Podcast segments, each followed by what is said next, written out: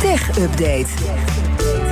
En Joe van Buurik is hier voor het opvallendste technieuws van vandaag. Hey Joe. Hi, Liesbeth en Kees. Ja, we beginnen met een hele opmerkelijke reclamecampagne. En daarin zijn twee belangrijke dingen aan de hand. Ja, laten we daarvoor eerst nog even luisteren naar de campagne in kwestie. En schrik niet, de komende 25 seconden zijn niet echt commerciële reclame. Iedereen mag zijn wie die wil. Maar waarom zou jij meebetalen aan de risico's daarvan? Kies daarom voor Selectivia Zorgverzekeringen. Met exclusieve voorwaarden. Selectivia selecteert op basis van achtergrond, gender en oriëntatie. Ja. Bekijk of jij in aanmerking komt voor de beste zorg op selectiviazorg.nl. Selectivia.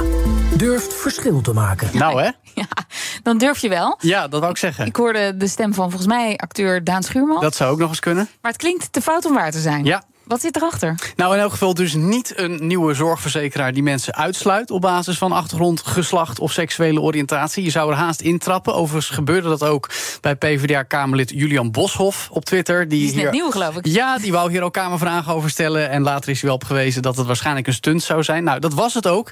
En het blijkt van Tromgeroffel het AIDS-fonds te komen. Ah. Full disclosure, dat konden wij achterhalen door binnen ons eigen moederbedrijf FDMG te vragen waar die commercial nou vandaan kwam. Want hij was vanochtend ook op deze zender bij BNR te horen.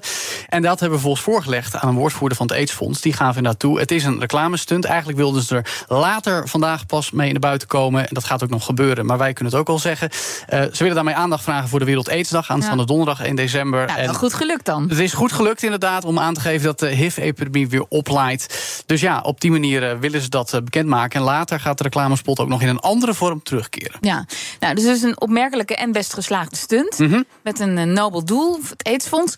Maar wat is nou precies het probleem? En dat wij hierover praten in de tech-update. Ja, nou ja, we hebben inderdaad niet zoveel met zorg op, maar wel met privacy. En eh, de verontwaardiging was niet alleen van mensen die misschien in deze campagne trapten, maar ook van privacy-experts. Want als je keek op die site van het Selectivia, kon je nog wat eh, gevoelige gegevens invullen, zoals je persoonlijke gegevens, maar ook je seksuele voorkeur.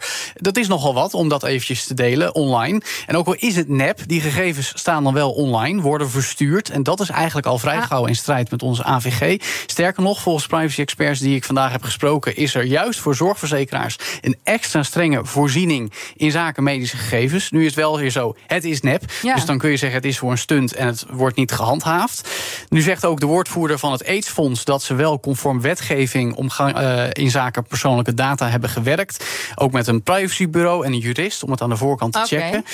Maar eh, het mailadres is het dan het enige wat ze gebruiken. Iedereen die zich heeft opgegeven, die dit blijkbaar interessant vond, krijgt morgen een bericht dat het om een netcampagne gaat om aandacht te vragen. Daarna worden, zegt het AIDS-fonds, de adressen verwijderd en ook niet gebruikt om geld op te halen. Dus ze hebben er wel over nagedacht, blijkbaar. Oké, dus de risico's die zijn al een beetje afgedekt. Dan is het toch een geslaagde stunt. Nou ja, eh, geslaagd misschien wel, maar het is niet helemaal privacy correct. Feit blijft. Er kan gevoelige persoonlijke data worden ingevuld en naar ze worden verstuurd.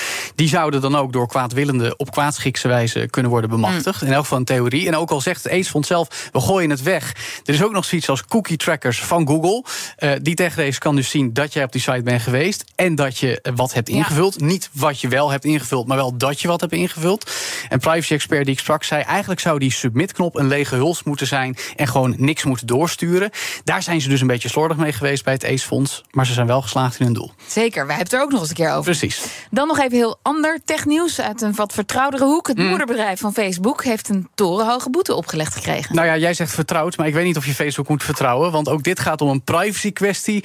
Waarbij een boete van 265 miljoen euro is opgelegd door de Ierse data-autoriteit DPC aan Meta-platforms. Dit gaat om een groot datalek uit 2019 alweer. Waarbij gegevens van bijna, nou ik moet zeggen, meer dan een half miljard Facebook-gebruikers zijn uitgelekt. Waaronder telefoonnummers, mailadressen en locaties. Die verschenen dan weer online in april van dit jaar. En dat dat allemaal kon gebeuren, dat uitlekken, was gewoon het gevolg van slechte beveiliging aan de kant van Meta. Toen het nog Facebook heette volledig. Afgelopen tijd kreeg Meta wel, meer boetes van de DPC. Want in september was er ook nog een boete van 405 miljoen euro voor Instagram. wegens het schenden van kinderprivacy. En zo telt het lekker op, want er zijn nog meer boetes. En bij elkaar bijna 1 miljard euro aan boete van de Ierse datawaakhond richting Meta. Oké. Dan tot slot, omdat we er toch weer niet omheen kunnen. Elon Musk maakt zich persoonlijk kwaad richting de adverteerders die Twitter boycotten. Ja, dat kun je wel zeggen als uh, we lezen onder meer bij de Financial Times en ook uh, RTL Nieuws dat hij persoonlijk opbelt naar topmensen van bedrijven die zijn gestopt met adverteren op Twitter. Okay, dus een heerlijk stabiele indruk maakt. Nou, inderdaad. Dat is een man met wie je zaken wil doen. Hij zou uh, volgens Financial Times topmensen hebben uitgescholden. Eén grote adverteerder die anoniem wil blijven zegt: zoiets heb ik nog nooit meegemaakt. En het is dus ook zo dat meerdere grote adverteerders hun reclameactiviteiten op Twitter terugschroeven om te voorkomen dat ze gebeld worden door Musk. Dus ze proberen krapachtig hun banden te verbreken, zou je kunnen zeggen. We weten niet precies om welke grote merken het gaat. Dit is dan wel weer heel erg gevoelig, ook qua privacy zal ik maar zeggen. Wel dat bedrijven die wel willen adverteren, dat hadden we ook al vorige week net tegen update, daar steeds meer moeite mee hebben, want hun contactpersonen zijn of ontslagen of vertrokken, waardoor ze ook nog eens geen contactpersoon hebben bij Twitter om te adverteren. Het klinkt toch een beetje als de Titanic daar. Hè? Ja, dat, uh, dan heeft, heeft het AIDS-fonds toch iets beter voor elkaar. Zeker. Dankjewel, Joe van Buurik. De BNR Tech Update wordt mede mogelijk gemaakt door Lenklen. Lenklen. Betrokken expertise, gedreven resultaat.